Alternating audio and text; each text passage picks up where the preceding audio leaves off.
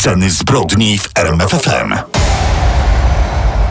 I oto w wasze ręce oddajemy trzeci podcast Sceny Zbrodni w RMFFM. Trzecia rocznica, to już jaka to będzie? Tekturowa? No kombinuj, Szklana? kombinuj. Jaka może być? Ja wiem, sprawdziłem. No, Skórzana. O, to w klimacie dzisiejszego odcinka. Jak najbardziej. No właśnie, ale jak jest taka rocznica, y, żeby świętować, to uczcimy to dobrym popcornem, y, fajnymi napojami i seansem filmowym. Zabieramy was dzisiaj na naprawdę straszne filmy, na horrory, najlepsze i najbardziej znane na świecie. Tak, najlepsze, bo oparte na prawdziwych historiach, a w naszym repertuarze dzisiaj m.in. Milczenie owiec, Amityville i egzorcyzmy Emily Rose. Miłego słuchania.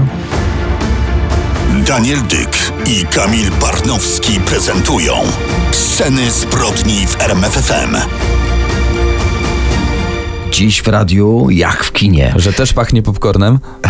Bo słuchacze nie wiedzą, redaktor Barnowski gratuluję, przygotował się do naszego spotkania Dziękuję. filmowego. Jest prażona kukurydza solona, jest z karmelem, ale na czosów z sosem serowym, tak powiem ci, brak. Były, brak. były, ale nie doniosłem. Zostawiłem A, na chwilę dobra, w redakcji i teraz tylko resztki zostały, ale zaczynajmy teraz nasz seans, zanim znów się zlecą ci nasi miłośnicy popcornu. Dzisiaj u nas seanse napisane krwią, czyli ile prawdy jest w horrorach opartych na faktach. A właściwie jaki jest twój ulubiony horror? Horror? Tak, bo ja najczęściej oglądałem Obecność, Demona, Taśmy Watykanu. No, widzę, że, że gusta takie, że temat egzorcyzmów Tak. cię kręci, antychrysta. Bo to są horrory inspirowane prawdziwymi wydarzeniami Tak, i o wymieniłeś, tak? dzisiaj Mhm. będziemy mówić w scenach zbrodni. Y, Z kolei, jeśli wracam do Twojego pytania o mój ulubiony horror, ja wychowałem się na serii o Freddym Krugerze. Pamiętacie na pewno koszmar z ulicy Wiązów. Tak. Kiedy w snach pojawia się postać w sweterku, w paski, w kapeluszu, z rękawicą o takich długich stalowych ostrzach, ostrych jak brzytwy. I jeszcze ta twarz spalona, Mm, zdeformowana bliznami po pożarze,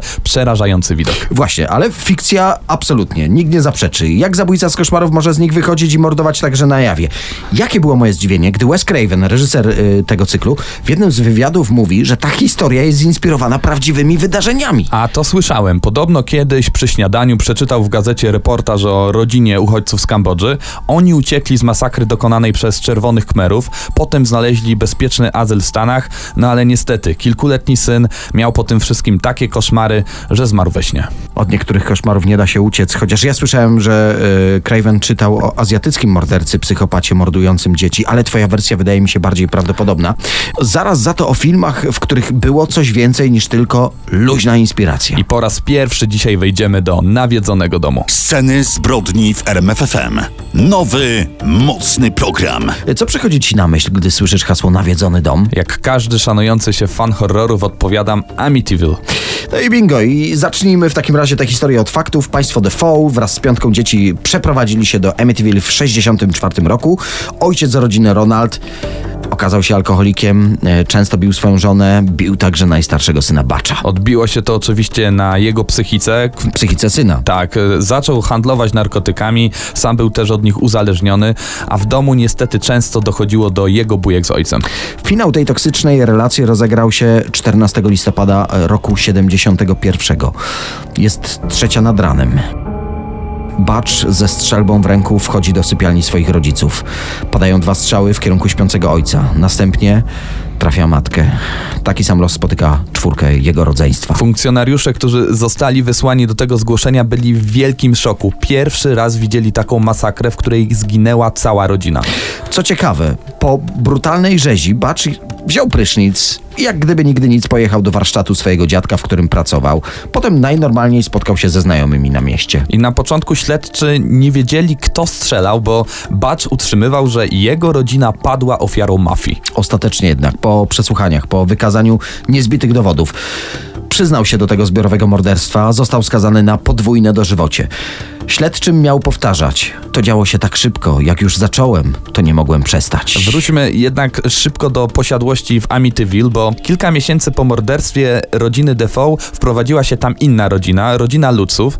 No zapewnie skuszona okazyjną ceną budynku, jednak jak szybko tam się wprowadzili, tak szybko się wyprowadzili, bo po niecałym miesiącu z niego uciekli, twierdząc, że posiadłość jest nawiedzona. Uciekinierzy z nawiedzonego domu skarżyli się tak na samoistne otwieranie okien, na trzaskające drzwi, dziwne szepty, odgłosy chodzących bosych stóp, odwiedziny duchów, kłopoty ze snem, depresje, a George Lutz twierdził, że zaczęły go nachodzić wręcz obsesyjne myśli, by zamordował swoją rodzinę. No, tego nie mogły przepuścić media. Powstała bestsellerowa książka opisująca czas spędzony przez rodzinę Lutzów w tym nawiedzonym domu, następnie cała seria filmów, które też okazały się wielkim kasowym sukcesem. Pojawiał się jednak z czasem dość poważny rozdźwięk w tej całej nawiedzonej historii. W domu, jak się później okazało, tak naprawdę nic nie straszy. Sprawa y, Amityville to jedno wielkie oszustwo. Rodzina Lutzów potrzebowała po prostu pieniędzy. Była w zmowie z obrońcą Batcha Defoe. Pomógł on uwiarygodnić całą tę mistyfikację. Podobno na sprzedaży praw do książki zarobili okrągłe 900 tysięcy dolarów. To jest coś koło 4 milionów złotych. Pięknych pieniędzy, jak widać, można dorobić się na tych duchach. Duchy mogą być materialnie, Tak, tak. mierzalne, prawda? Dodatkowo w posiadłości w Amityville później zamieszkała inna rodzina, która nie skarżyła się na żadne paranormalne zjawiska, no ale to absolutnie nikogo nie przekonało i tak dom przy Ocean Avenue jest nadal miejscem kultu dla wielu fanów horrorów.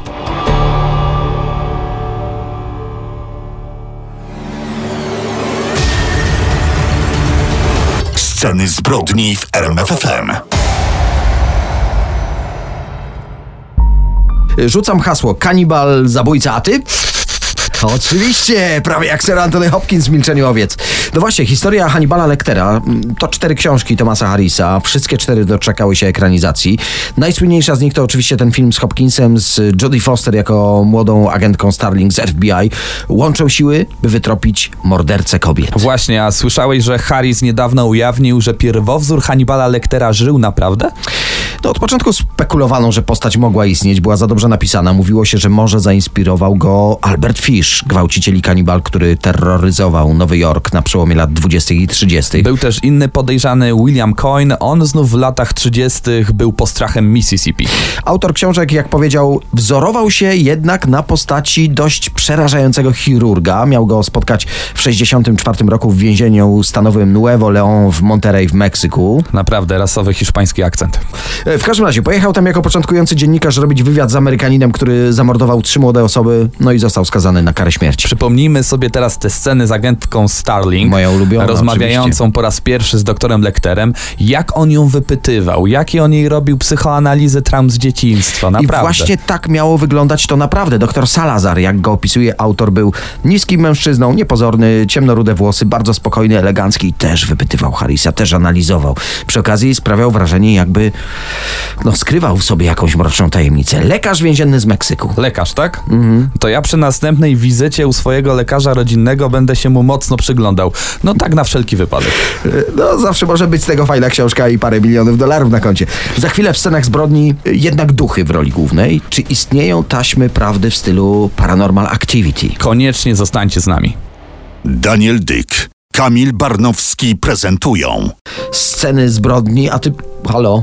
Tak, tak, tak. Trafiłem na dyskusję Właśnie. w internecie na temat Właśnie, bo ja tutaj do słuchaczy, a ty tu grzebiesz w sieci. I wiesz, że większość internautów jest przekonana, że film jest zmontowany z prawdziwych materiałów. Uwierzysz? Przypomnijmy y, ten film, sceny kręcone jakby monitoringiem domowym. Może nie wszyscy widzieli, y, kamery w rogach pokojów filmują, co się dzieje, gdy para mieszkająca w nawiedzonym domu śpi. Na początku jakieś niewyraźne ruchy, coś Mhm. tam drgnie, coś się przewróci, ale z biegiem czasu coraz więcej się dzieje. Możemy powiedzieć, że rzeczywiście film był kręcony w prawdziwym domu, ale reżysera. Kosztował tylko 15 tysięcy dolarów, więc chałupnicza robota kręcili to jedynie 10 dni. Ale wystarczyło. czekaj, chyba drugi film z serii zaczyna się od podziękowania dla rodziny, która tam wcześniej mieszkała, dokładnie to była para, za udostępnienie tych materiałów. chwyt marketingowy, mój No drogi. nie. Podobnie jak to, że film nakręcono dla wielkiej wytwórni Paramount, ale celowo jej logo się nie pojawia, żeby wszystko wyglądało jak dokument, a nie fabuła. Mało tego, wytwórnia zatrudniła jednego z najbardziej znanych badaczy zjawisk paranormalnych, by ten film po prostu wypromował. Chyba się udało, bo pierwszy tydzień i film zarabia 9 milionów dolarów, po dwóch miesiącach to już było 100 milionów, ale czekaj, naprawdę tak nic, nic prawdy, wszystko fikcja. No mogę powiedzieć, jeśli cię to trochę pocieszy, że Oren Peli, czyli reżyser, oparł to na własnym doświadczeniu, ale nie mów, a nie mówiłem, albo coś takiego.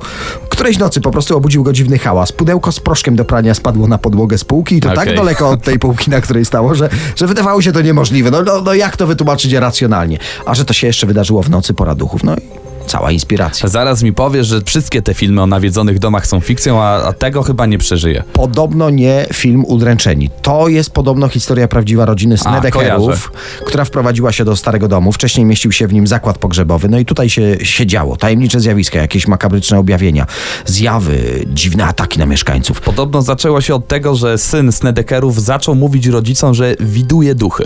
No ale mama i tata doszli do wniosku, że to skutek uboczny leków, jakie przyjmował. No ale reszta rodziny też zaczęła mieć wizję. Oni też, pamiętam, komentowali film nakręcony na podstawie ich historii w 2009 roku i w tych wywiadach mówili, że część spraw była wyolbrzymiona. Tylko Seanse część. spirytystyczne tego podobno w ogóle nie było w ich prawdziwym życiu. Za to egzorcyzmy się odbywały, ale one z kolei zostały w filmie złagodzone. Jest jeszcze taka mocna scena duszenia przez zasłonę prysznicową i to też podobno autentyczna. Sceny zbrodni w RMFFM. Wejdź do mrocznego świata przestępców.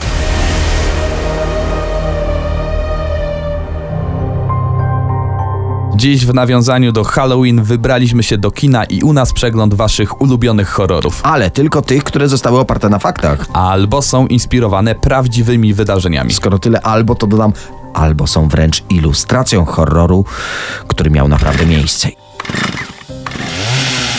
Teksańska masakra piłą mechaniczną, prawdziwy klasyk kina grozy, który ma już 45 lat. I jest inspirowany prawdziwą historią Eda Geina, seryjnego mordercy ze stanu Wisconsin.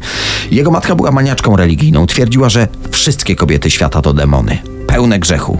Nie pozwalała więc zbliżać się do nich jej synom, aby jeszcze bardziej ograniczyć kontakt jej dzieci z kobietami. Cała rodzina przeprowadziła się na pustkowie, na farmę w Plainfield, pośrodku niczego. I pewnego razu doszło tam do pożaru, w którym zginął brat Eda Geina, ale podejrzewano, że to właśnie Ed był zamieszany w te zbrodnie, a wywołany pożar miał po prostu zatrzeć ślady. No i tak za oficjalną przyczynę śmierci koroner uznał uduszenie się dymem i dlatego Ed pozostał na wolności. aż do roku 57. Wtedy to policja wkroczyła na teren jego farmy, podejrzewając go o udział w napadzie na sklep z narzędziami. Przy okazji zaginęła właścicielka sklepu, Bernice Warden. No i gdy dotarli na farmę, policjanci zobaczyli widok, którego nie spodziewali się w swoich najczarniejszych, najmroczniejszych, najbardziej przerażających koszmarach. Zobaczyli pozbawione głowy, wypatroszone ciało Bernice Warden zawieszone pod sufitem. I na tym nie koniec, bo po dokładnym przeszukaniu farmy odnaleziono więcej ludzkich szczątków, między innymi cztery czaszki, abażury lamp wykonane z ludzkiej skóry, maski z twarzy martwych kobiet. absolutnie niewyobrażalne. W trakcie badań procesowych u Gaina zdiagnozowano schizofrenię i psychopatię seksualną. Śledczy orzekli też, że no, jest niepoczytalny, przez co nie może zostać skazany na śmierć, jednak resztę życia spędził w szpitalu psychiatrycznym. Zmarł w 1984 roku. I mimo tego, że prawdziwy Ed nie gonił nastolatków z narzędziem do ścinania drzew i przy okazji do ścinania ludzkich głów, reżyserowie teksańskiej masakry twierdzą, że przenieśli na swojego bohatera filmowego wiele cech Eda Geina. Za chwilę zaproszę na horror, który chyba jest jeszcze bardziej przerażający niż tę historię, którą właśnie teraz opowiedzieliśmy. Wzgórza mają oczy. Zostańcie z nami.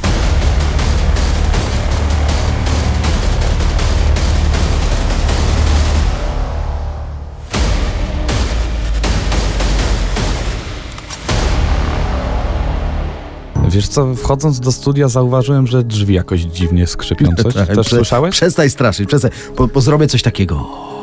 Jeszcze tak będę drapał. A myślałem, że kredytem straszysz za niespłacony samochód. Nie, to są pobrzękujące łańcuchy. A, okej. Sceny zbrodni. Tutaj dzisiaj mówimy o faktach i o filmach opartych na faktach. Pamiętam jeden ze straszniejszych filmów, jakie udało mi się obejrzeć. E, chyba na dwa razy, bo na, za pierwszym razem, za jednym podejściem się nie udało. I to, było, to był film jeszcze z lat 70. No oczywiście król horrorów Wes Craven. Całkiem niedawno był remake, niezły. Wzgórza mają oczy, teraz w programie Sceny zbrodni. Tak. Sceny zbrodni w RMFFM. Ciąg dalszy za chwilę. Gdzieś na pustynnych terenach Nowego Meksyku w Stanach Zjednoczonych zagubiła się rodzina i wpadła w ręce zdeformowanych postaci, które traktują zaginionych jako materiał na obiad i to z kilku dań. No ale żeś o tym opowiedział, nie poszedłbym po czymś takim na ten film absolutnie. Mutanty zjadają ludzi, a to naprawdę przerażający film, tak opowiedziany, że ja miałem wrażenie, że to jest na faktach. No i właśnie na faktach, ale tych faktów trzeba szukać daleko. Daleko, bo w Szkocji i daleko też w czasie, bo tu cię zaskoczę może, w XV wieku. To jest tak naprawdę historia rodziny Aleksandra Soneja Bina. Tak, Sony miał plan, by robić karierę po rodzicach, albo żeby zostać kopaczem jak tata, albo żeby strzyc żywopłoty jak mama. Ostatecznie jednak uznał, że ani łopata, ani nożyce, no to nie jest temat dla niego. Przez 25 lat mieszkał sobie z żoną w jaskini nad oceanem. On, ona, sześciu synów, sześć córek, 18 wnuków i 14 wnuczek, jak czytamy w No kronikach. trochę ich było. Większość potomstwa powstała w wyniku kazirodztwa. No pomijając ten fakt, naprawdę spora rodzina do utrzymania, ale Aleksander Bin miał pewien pomysł na biznes. Na rodzinę nikt nie zwracał uwagi, tyle że ocean co jakiś czas wyrzucał na brzeg szczątki ciał i w okolicy też zaczęli ginąć podróżni. No i to właśnie ten pomysł na biznes. Napadali na przejezdnych traktem z Londynu do Edynburga, zabijali ich i kradli kosztowności. Ale jednak coś w tym biznesplanie tam, tam coś nie doszacował, coś mu się tam nie zgadzało, coś y, pomylił, bo z tych kosztowności jednak na wyżywienie rodziny brakowało. Dlatego właśnie Binsonowie zaczęli zjadać zabijanych ludzi. Więcej, opracowali nawet własną metodę marynowania resztek. Tylko niejadalne części ciał wyrzucali do wody. I tak 25 lat. W dzień kryli się w pieczarze, nocami polowali, aż którejś nocy trafili na małżeństwo wracające z festynu. Żonę zdołali zabić, ale mąż świetnie fektował mieczem, przegnał napastników, potem rozpoczął polowanie na nich wraz z okolicznymi mieszkańcami. Podobno nawet sam król Szkocji Jakub IV pomagał w tej obławie. Jaskini odnaleziono, a tam sceneria jak z horroru. Szczątki ludzkie, przygotowane dania z ludzkiego mięsa. Podobno Sowney i jego rodzina mieli zamordować ponad tysiąc osób. Ile w tym legendy, ile prawdy, nie wiemy. A historią rodziny Binów straszono się przez wieki w całej Szkocji. Później pewnie wraz z emigrantami dotarła na Nowy Ląd do Ameryki, a obecnie za sprawą horrorów z Hollywood znana jest na całym świecie.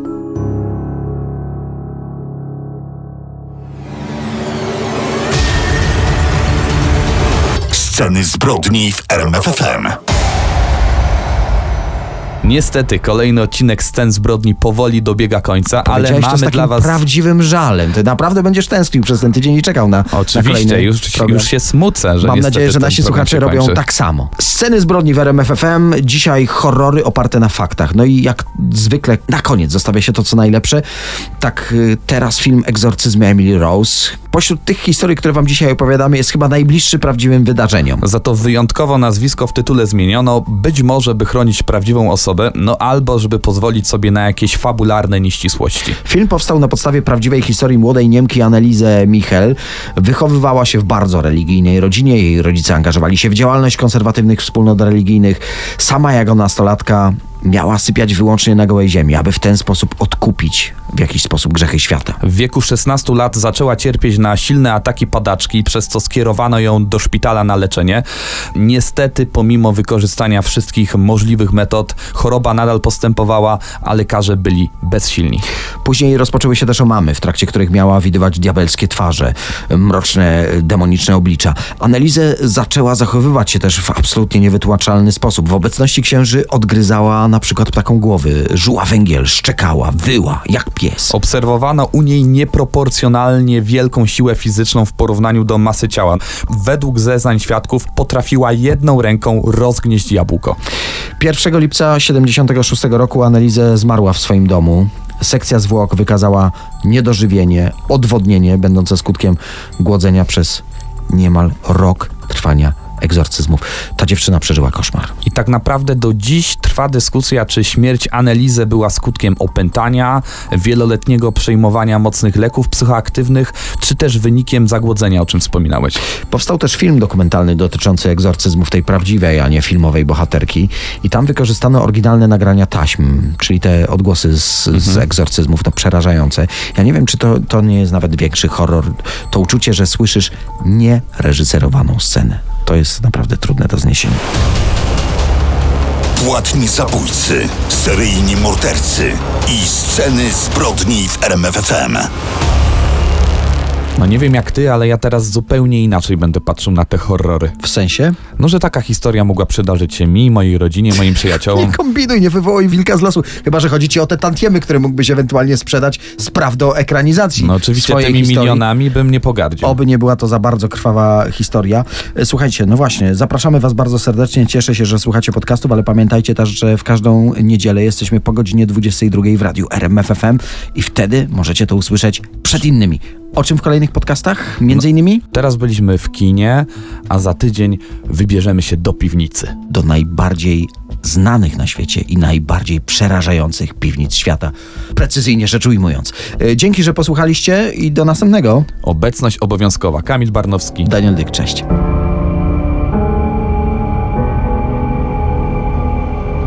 Sceny zbrodni w RMFFM.